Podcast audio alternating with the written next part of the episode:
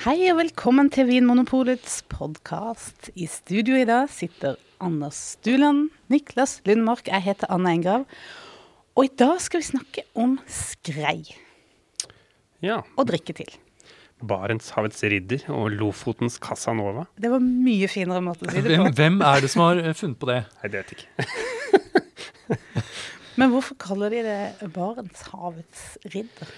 Det kom jo ridende da, som en ridder fra Barentshavet og inn til norskekysten for å Det er jo fisken som bygde Norge, så kanskje det er noe med det å gjøre. Ja, ja, fordi det jeg har hørt, nemlig at skrei er eh, fiskens Grete Waitz. Ja. Ja, det har jeg også hørt, men det er ikke så romantisk. Nei, ja, for du også hørt det? Ja, jeg har Ja. hørt en fiskehandler Ja, det er en fiskehandler i Bærum. Ja. Jeg vet ikke om det på en måte er en pålitelig kilde sånn i skreisammenheng, men eh, jeg tror han, var, han, han tok skrei seriøst, han altså. Han var, eh, eller fisk seriøst. Men han var ikke så veldig begeistra for Jeg tror han foretrakk Møretorsk. ja, den torsken som ikke hadde vandret så langt. Altså kysttorsken. Ja, Den Ja. sa han var torskens uh, sprinter. Mm. Ja. kan, kan dere navnet på noen sprintere? Det er, Eh, hun der med de lange neglene. Flo, et eller annet. ja. Anywho. hu fordi vi sier da skrei, Ja. men det er jo det, det er torsk det er snakk om. Det er torsk, ja, men det er genetisk ulike bestander, Ja, Så det er en egen torskerase. kan Men- man si. ja Men det regnes, det regnes ikke som en egen art? Nei, Nei. det er mer en uh, En versjon av Ja. torsken? fetter. Ja, en modell? Ja. Eh, ja, Nei, men den, den sånn eh, bilmetafor, ja. Ja. Men ja, og det er jo mange som sier at ja, skreien er mye bedre, den er hvitere i fisken, den er fastere, men Og så tenkte jeg, ja, kan man smake forskjell på skrei og kysttorsk, da? Eh, men at vi hadde den der blindsmakinga med vilt, når jeg ikke klarte det engang, så tenkte jeg det skal jeg i hvert fall ikke prøve meg på. Nei, men det er vel noe med hvordan den ser ut. Den Ja. ene er liksom tjukkere på en måte rundere, mens den andre er lengre og, og, og slankere. Og da er skreien lengre og slankere, eller? Eh, ja. Ja. Ja. Mm. ja, fordi når jeg ser skreien ligge i, um, i fiskedisken, og det er jo det eneste stedet jeg ser skrei Jeg har aldri sett skrei i, i, nede i vannet. Men der, eh, der er det noe litt grå på utseendet. Altså skinnet. ja. Mens denne, den, når jeg har sett sånn kysttorsk og sånt nå, de er mer sånn brunaktig. Sånn Stemmer. flekkete, liksom. Mm. Så, men, uh, så, Men dette Casanova-greiene, hva er det som er greia med det? Er det at den, Nei, den skal jo inn i, til Lofoten og langs kysten og, og ha paringslek, da. Det er derfor han kommer. Ja. Og det legge, Legge egg? legge egg og befrukte dem. Ja, Mm. og, det, og det er ikke sånn at uh, ja, fordi Ellers så er jo den, den torsken eller skreien er langt ute i havet. Ja. Men så kommer det, trekker de nærmere kysten akkurat når de skal ha seg. Og den kommer til det samme stedet som den ble øh, klekket etter fem år. Og da er Shit. eh, Med fare for å bli, at det blir liksom litt grovt, dette her, men eh, når skreien gyter, så er det ikke, det er ikke sånn én-til-én Eller sånn eh, Det er ikke sånn pargyting, som jeg skjønte. Det er Flokkgyting? Ja, for det er ikke sånn at, de, at, de, som, at det blir to, to torsker finner hverandre, to skreier og så drar, drar de på en måte til sitt sted. Men det er sånn at man eh, Det er en mølje, bare for å bruke sånn skreibegrep. Eh, der på en måte alle gyter sammen. En sånn, eh, så det er en sånn årlig sånn swingers-kongress. Som foregår da eh, litt nord i eh, norskekysten. Det høres fryktelig umoralsk ut, spør du meg. Mm. Vet du hvilken dag eh, som er det offisielle startskuddet for skreisesongen? Eh, nei, jeg vet jo det er på nyåret. Så er det, er det 1. januar? Det er 14. februar. 14. februar. ja. Valentine's. Valentine's Day. Men det er ikke mye romantikk. Ah! Det er ikke mye romantikk i den mølja. Ja, ja. Når var første gang dere spiste, spiste skrei? Oi. Nei, det var, jeg var sikkert ganske ung, ja. Hadde matglade foreldre, så det var jo Skrei tror jeg jeg spiste. Jeg husker i hvert fall det. Jeg husker skrei, men jeg husker ikke den der eh, møljebiten. Den der eh, lever og rogn. Det har ikke jeg hatt noen tradisjon for. Nei. Det har blitt voksen Mm. før jeg måtte Jeg har prøvd det som en sånn eksotisk rett. Men du har jo spist skrei på andre tider av året òg. Til jul, for eksempel. Ja. For det er jo Lutefisken er jo er jo skrei. Som har vært innom tørrfiskformen og blitt uh, lutefisk. Ja. ja, for lutfisk er jo ikke egen fiskeart. Det er torskens Den, korvillak. det er fisken som er litt sånn løs i kjøttet. Eh, Ja, nettopp. Det er, altså, det er skrei som er fisken som står bak både mye av tørrfisken og, og mesteparten av lutefisken. Nettopp. Ja, for man kan jo ikke lage tørrfisk eh, Man kan ikke fiske kysttorsk på sommeren og lage tørrfisk. Nei, fordi det, da er er det for varmt å henge den Ja, på så det er jo de, de eh, klimatiske forholdene som er eh, i disse tider, da. Med, og det er jo ikke, man kan ikke lage det hvor som helst heller. Eh, så det er, Lofoten er jo spesielt egnet pga.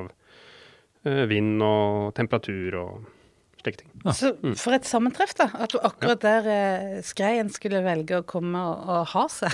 så kunne man bare hente det opp. Jeg henger det rett opp. Og, Yes. Lenger sør, sånn som på Mørekysten, der måtte de jo salte den. Ja. Lage klubbfisk. Nettopp. Ja. Mm. Da skjønner jeg. Og, og, og skrei, det er skjønt, det kommer av eh, gammelnorsk skreider. En, nei, det er ikke nei. Jo, Jo. skreider. som Skreide. Skride, eller vandre. Ja, det var det Ja. du sa. Vandre, ja. Mm. Skride. Skride til verks. Mm. Mm. jeg, jeg, jeg s- føler for at vi skal komme oss inn, på- litt ut av dypt vann. Så, Ja. og, inn over på det som På kjøkkenbordet? Ja. sp- Spisinga. Mm. Eh, vi har altså da funnet ut at eh, det er sesong nå, fordi det er nå eh, torsken, eller da skreien, kommer inn for å gyte. Mm. Det fiskes opp store mengder, og det blir eh, brukt til det tradisjonelle skreimølja, Mhm. Blant annet. Skal vi begynne med det? ja. Begynne med skreimølje. Og, og skreimølje er jo øh, trukket skrei med lever og rogn. Og lever blir jo da gjerne da øh, kokt med løk og eddik og, og den type ting. Og det, alt dette her er jo ting som setter preg på retten. Da. Jeg, er- jeg er jo ikke noe sånn veldig begeistra for den leveren. Det må jeg jo helt, det må jeg ærlig innrømme. For meg så blir det et sånn måltid i tran. Uh, men eh, det er tradisjon. Ja, og herved er det da eh, utbasunert til, ja. til din svigerfamilie Ja, ja. i Lofoten. Ja. Mm. Takk skal du ha. Men jeg, jeg tror ikke du er aleine der, Niklas, med, med et litt sånn anstrengt forhold til torskelever. Altså, det er noe med fiskeinnmat i sin helhet, syns jeg, som er kanskje eh, Jeg hopper ikke på med glede heller. Ja, jeg syns faktisk at torskelever, det, er, eh, det syns jeg er godt. Og det har til og med hendt at jeg har kjøpt meg torskelever, sånn hermetisk eh, torskelever, eh, og hatt det på brødskiva. Sånn utenom skreisesongen, faktisk. Jeg syns det er veldig godt. Jeg syns det nesten er på grensa til å være litt sjukt. Men det var veldig fordomsfullt. Men hva er det Kan du beskrive smaken av torskelever? Um, jeg hører mange andre si at det er transmak, at det er fisk, den fiskefettsmaken, men jeg syns at det er noe um, Ja, og det er ofte at jeg bruker den assosiasjonen til nøtter, altså. Om ting som jeg liker. Men eh, det er noe litt sånn Det er noe litt sånn nøttete og en rikhet som jeg, som jeg liker. Det er noe som jeg, Nesten sånn at jeg kjenner at kroppen min reagerer positivt, sånn at det er noe sånn kjemi inni, inni bildet. At kroppen min tenker at det, ja, dette her er bra for deg. Ja, men Mm. det tror jeg litt på, faktisk. Ja.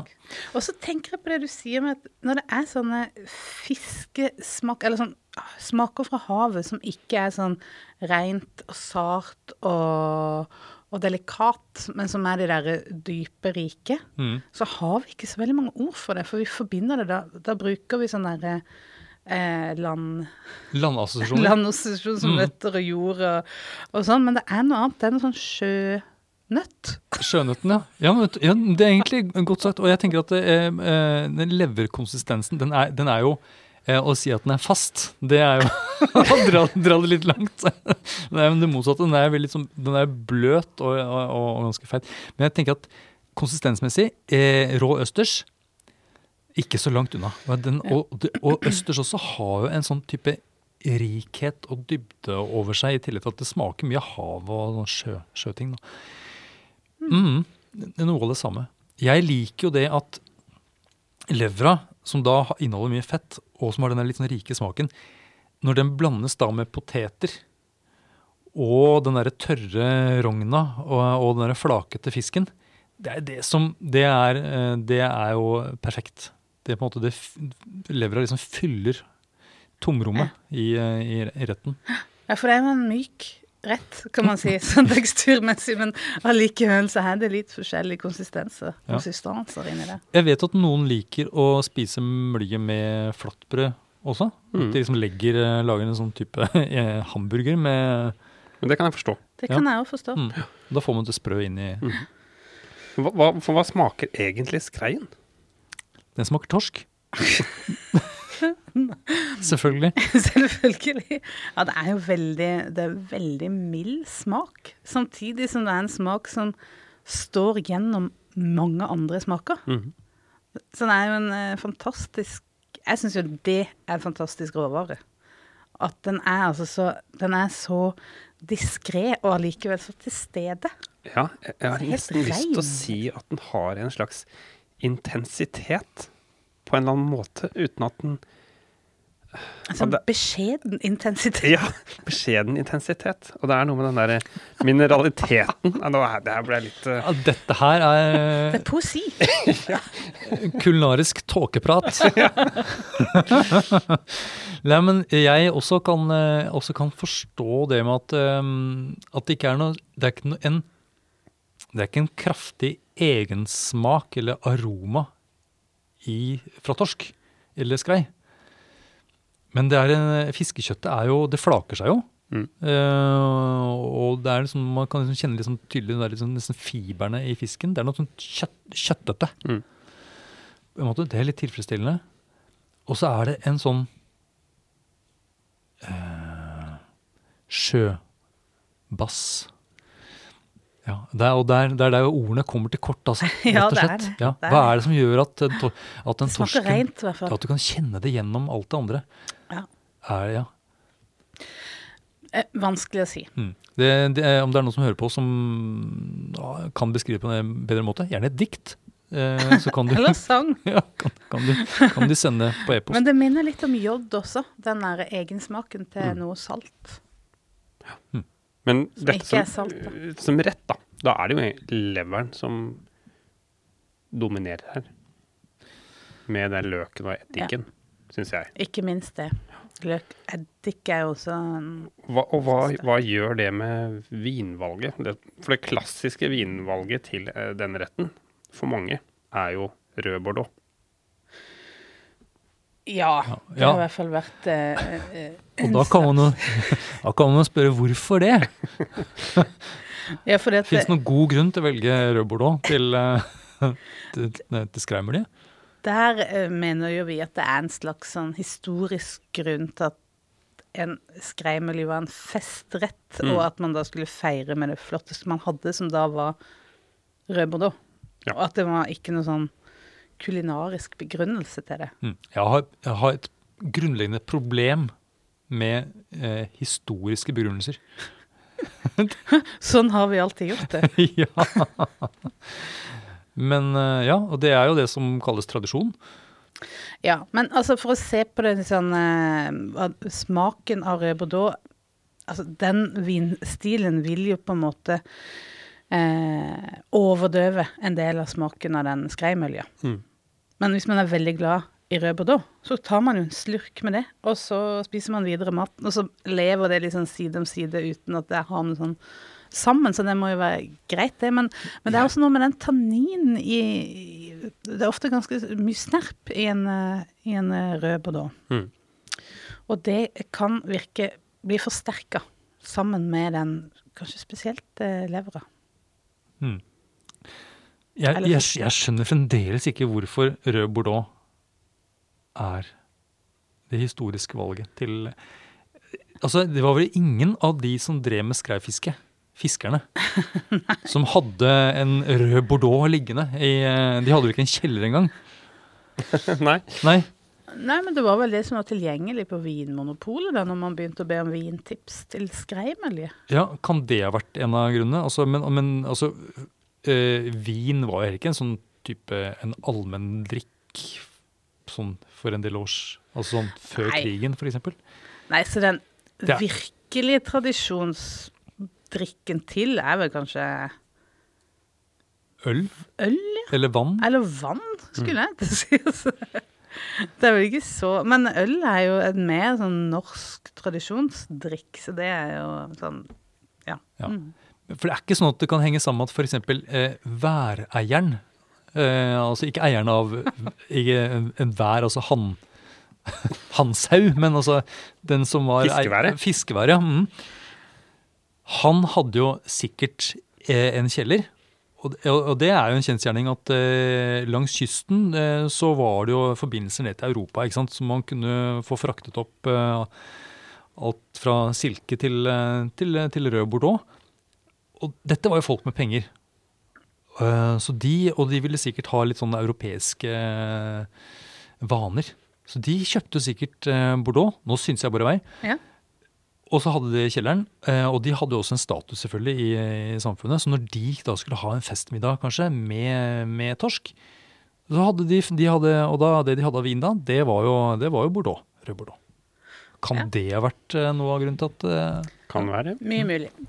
Jeg tenker vi skal eh, tenk, foreslå noe som vi syns ville vært et godt valg, og begrunne det. Mm. Niklas, du kan få lov å eh, komme med ditt eh, beste forslag til skreimølje.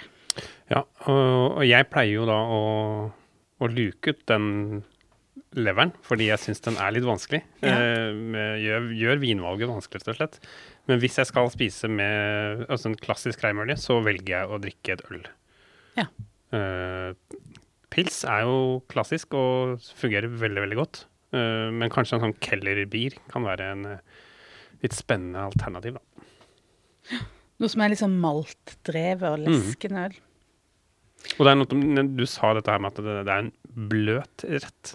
Ja. Og da syns jeg også det er godt med øl som har litt bobler, som skaper en kontrast, da. Og du, Anders, hva ville du valgt? Jeg eh, Jeg ville hatt en vin som ikke har en altfor tydelig fruktighet, tror jeg.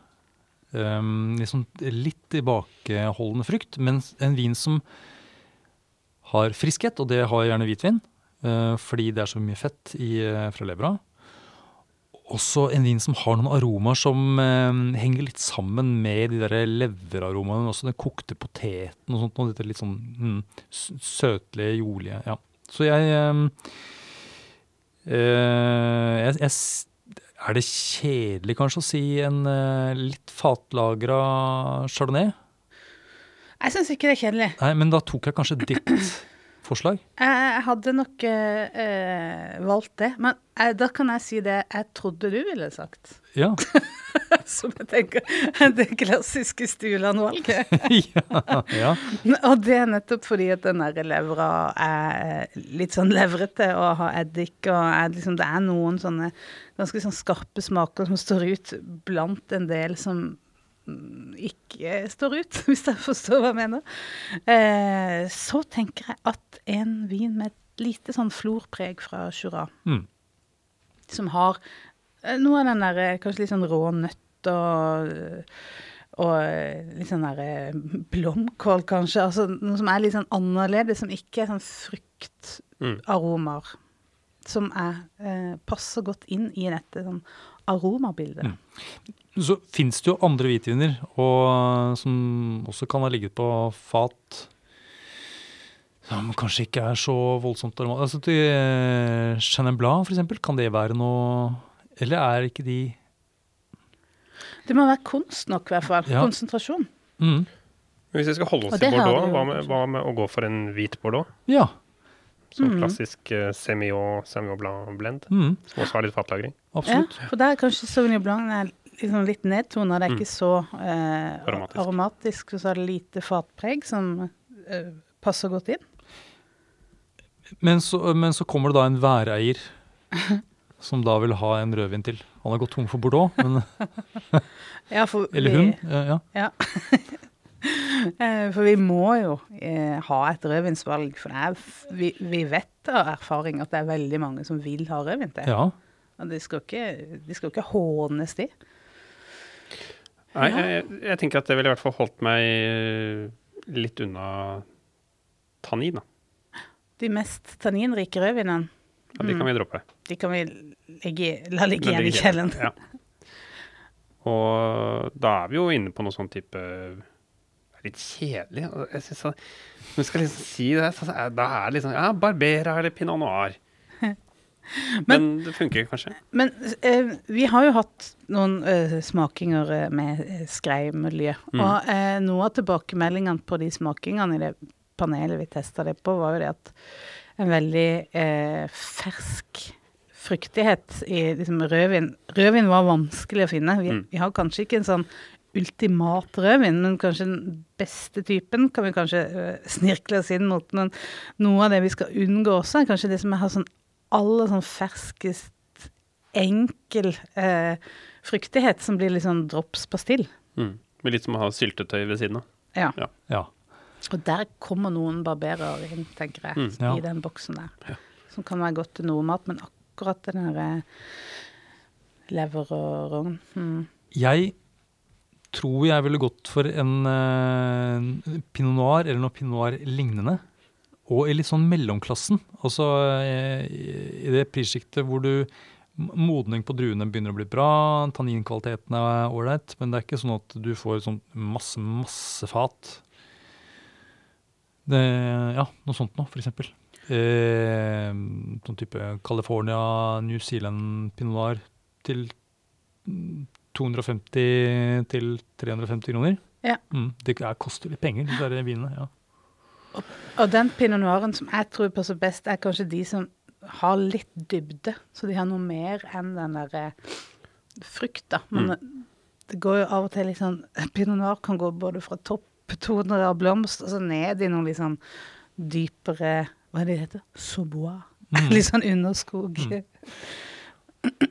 Kanskje litt grann utvikling på rødvinen Ja, og det, gjør seg. det er litt frekt å, å, å tenke det. Ja. det er, fordi jeg er ikke så Jeg har ikke hørt mange andre snakke om det, i hvert fall. At eh, litt utviklet rødvin til, til fisk.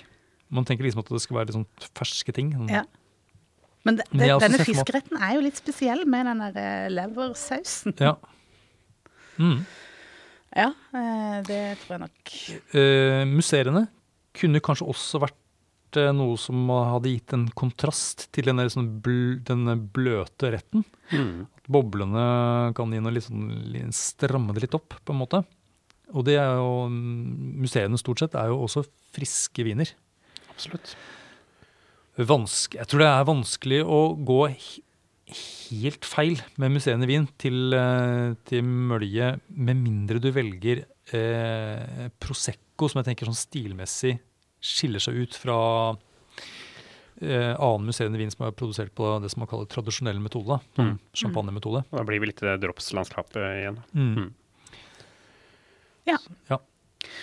Så eh, enten et eh, godt maltdrevet øl eller en eh, hvitvin med nok konsentrasjon. Altså da må man gjerne opp litt grann i pris, men opp til rundt 200 kommer man langt da. Mm. På druer som enten er eh, litt sånn halvaromatiske som chardonnay, chenon blanc, Mm. eh, og gjerne har litt fatlagring eller preg av, av eh, lagring på gjærrester. Mm. Og vil du ha eh, Bordeaux, så gå for den hvite varianten. Ja, Det var et eh, godt tips. Skal vi bare ta helt eh, sånn eh, Jeg føler meg ikke helt ferdig med skrei, fordi at eh, sånn veldig mange bruker skrei, inkludert meg sjøl, så er det bare fiskekjøttet. Det er Mm. litt sånn eh, Litt sånn fråtsing, kanskje, å ikke bruke hele fisken, men Men det å bare ha selve den der eh, koteletten og, og Sandefjord smør eller noe sånt, Ja. Det, det klinger godt i en sørlandsmage. Hvis det går an å klinge i magen. ja. En rett der fisken liksom får skinne litt mer, eh, altså fiskekjøttet er i fokus. Ja, og det er litt enklere å sette drikke til. Ja, Mhm. Du tar vekk liksom den der lille sånn uromomentet som, som levra representerer det. mm. Så da har du altså dampet eller trukket eh, skrei, uh, sandefjordsmør, eller en smørsaus av noe Ja. slag, gjerne kokte gulrøtter. Men- Tradisjonelt. Ja, hva smaker en sånn rett? Hva er det det smaker av? Det har vi faktisk eh, ekstremt gode tall på. For det, det er en rett som eh, eh, vi har servert til alle polets ansatte eh, gjennom det vi, vi kaller Smakesmia. Med sånn eh, butikksmakerunde eh, som gjennomføres to ganger i året. Og en gang så hadde vi altså da torsk med Sandefjordsmør og gulrøtter på menyen. Og da spurte vi hva smaker mest av denne retten. Er det smør, fisk eller gulrot? Og svaret ble overveldende tydelig. Det er smør som setter mest preg på den retten der. Så det er en smørrett. Det er i hvert fall det som dominerer smaken. Mm. Og det er egentlig interessant, selv om liksom, man tenker at det er fisken som er hovedråvaren, så er det allikevel smøret som liksom setter mest preg. Og da er det lett å tenke at det er det man skal liksom tenke litt på når man skal eh, sette drikke til òg. Ja, det Mm. blir litt som å sette drikke til smør.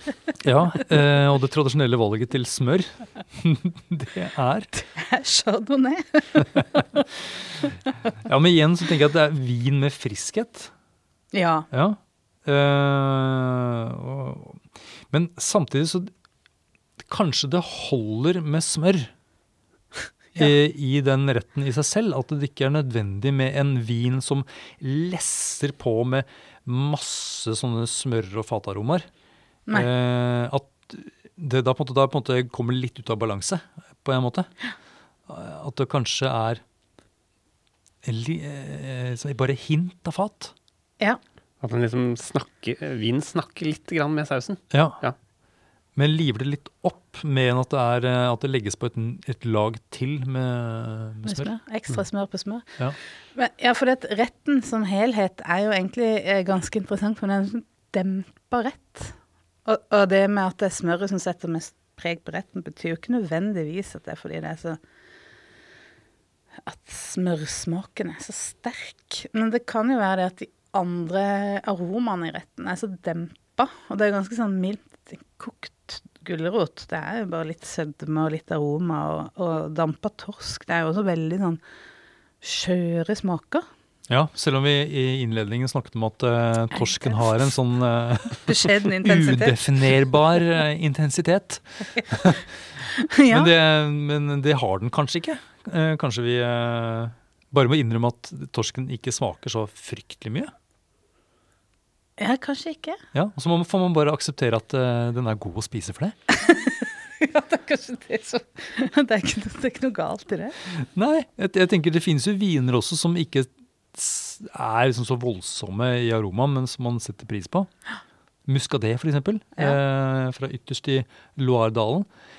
eh, Som jeg også tenker er en vin som kan funke bra til det, sånn trukket skrei med, med smør og potet. Ja, for det er kanskje det sporet man skal holde seg i. De som er liksom litt dempa. Mm. Ikke roper for høyt. Mm. Jeg var jo med i den smakingen på, i butikk. Uh, og der hadde vi jo Dere hadde plukket ut litt forskjellig. Som skulle kanskje, en som kanskje kunne være matche litt med fisken, en som kunne matche litt med, med smøret. Uh, Og gulrota. og gulrota. Eh, og det var sånn at det var, alt fungerte jo egentlig veldig godt. Ja. Det var vel også tilbakemeldingen vi fikk fra våre ansatte. Ja, for vi registrerte jo da Man kan registrere hva er det som er det beste valget av de vinene vi har plukka ut. Eh, ofte er- utpeker det seg noe sånn tydelige svar, men akkurat på denne smakinga her så var det helt likt. Altså, vi hadde da tre hvite viner. En, en Chablis, en fatlagra chardonnay eh, fra USA. og en Grüner Veltliner. Og det var, helt, det var 28% på hver vin. Det som var eh, valgt som en da veldig god kombinasjon. Mm. Mens den rødvinen vi hadde med, som var en barberer, den kom litt lenger ned. Så det var en sånn tydelig tilbakemelding. Velg en hvitvin. Du kan gå flere veier. Ja, Det er interessant. Og gjør det enklere òg. Egentlig. Og vanskeligere. Ta en du liker. Men hvis du har lyst på rødvin, da. Det har jeg ofte eh, egentlig nå på vinteren. Og jeg har lyst til å spise skrei. Så det man jo da kan gjøre, er jo å gjøre retten litt mer eh, rødvinsvennlig, hvis vi kan si det på den måten. Yes. Vi har jo den her eh, smørsausen, eh, som jo kanskje trekker oss litt mer i hvitvinsretning. Eh, men hvis jeg har lyst til å gjøre den litt mer rødvinsvennlig, så er det jo bare, bare det med å ha bacon til kan hjelpe på. Eller så kan man jo lage en rødvinssaus eller en sånn eh, beurre rouge. Kjenner til uh, beurre blanc, som jo er egentlig bare innkokt hvitvin med piska inn med smør. Mens man gjør det samme med rødvin, så får du en beurre rouge. Det er også kjempegodt. Og da er det lettere å sette en rødvin til, uh, synes jeg i hvert fall. Mm. Hvis det er sånn, ja, sånn innkokt uh, kraft, sånn Mm. ribbe, ribbekraft og sånt noe til. ja. Eller chorizo. Mm. Ja. Absolutt. Så, Og, og en annen ting som jeg syns funker overraskende bra til, eh, til rødvin, er eh, faktisk um, ertestyng. Av en eller annen grunn. Det er liksom rødvins tilbehør, ja. Mm. Og peanøttsmør. Men det får jeg ikke helt til å passe med torsk, da. Nei, men for det, skrei, og vi snakker om skreien er litt forsiktig, og sa du nå ikke sant, det, det smaker egentlig ikke så mye. Men den, allikevel så takler den utrolig mye smaker. Uten å forsvinne, ja. Uten å forsvinne. Den smaker fortsatt, selv med en sånn type asiatisk eh, med masse smaker, så smaker det fortsatt av skrei. Ja, eller kan man si det sånn at eh, det, er, det skjer ingenting gærent? Det er, altså, det, er det er det er ikke noe som skjærer seg. Den er på en måte det er en, veldig, en føyelig fisk. Ja. Ja, og at det bare er munnfølelsen man sitter igjen med, kanskje. Ja, kanskje. kanskje. Mm. Det er det. Mm, Det er en munnfølelsefisk. Men jeg har hatt mitt mest fantastiske skreimåltid noensinne. Det var hjemme hos deg, Niklas. Okay, Det var, det var, det var helt vilt. Ja, det var faktisk helt vilt. Det er uh, der, fikk, der fikk vi jo blant annet uh, uh, frityrstekt eh, svømmeblære. Ja, svømmeblære, ja. Det er jo et, en vanlig strykningsdel som du ser i, i fiskedisken. Mm. Mm. Ja, for det var det du inviterte oss på. Skrei fra, fra Hale til skjegg. til skjegg. Ja, jeg er jo opptatt av at man skal bruke hele dyret. Uh, og når man uh, har en sånn uh, kaffetorsk, En, sånn, en stor torsk. stor torsk, ja, Mm. ja, da har man jo muligheter til å eh, bruke alt. Og, og det syns jeg er gøy, da. Finne ut uh, alle disse stykningsdelene. For det er det jeg syns er, det synes jeg er fantastisk med skrei når den kommer. Er at i fiskedisken så kommer det noen deler som du ikke ser ellers i året. Sånn som tunge, uh, kjaker og svømmelære. Men hvorfor ser vi ikke det resten av året, egentlig? Det burde jo være tilgang. Altså, den uh, svømmelæren er jo der, den, den ligger jo i buken. Men eh, mye blir nok eh, sløya på båt, eh, og hodet og sånn blir ikke med. Mens eh, i skreisesongen så eh, er det jo ja, gjerne Det er jo egentlig barnearbeid, eh, men de får godt betalt, eh, som skjærer tunger eh, og får kjaker. Og, og hodene blir jo også tørket, hengt på gjeld og tørka, sånn som man gjør med tørrfisken, og sendt til Japan. Og der brukes de til unevnelige ting. Ja, vi, lurte, eh, vi lurte på om det var potensmiddel. Men kanskje det er mer sånn for å få høyere IQ? Siden det er hodet, mener du? Hodet, ja. Ja. Mm. ja. Eh, Men jeg ja, kan ikke du fortelle, Niklas, hvor- hvordan, eh, hvordan var det du lagde disse frityrstekte svømmeblærene? Ja, først må man eh, skrape og rense blæra veldig godt, så den er helt hvit. Ja, Eh, og, for- og, og du sa at den blæra den finner man da i buken. Ja, du kan få eh, fiskehandleren til å skjære den ut, det er kanskje det greieste. Ja. Eh, og det koster ikke noe heller.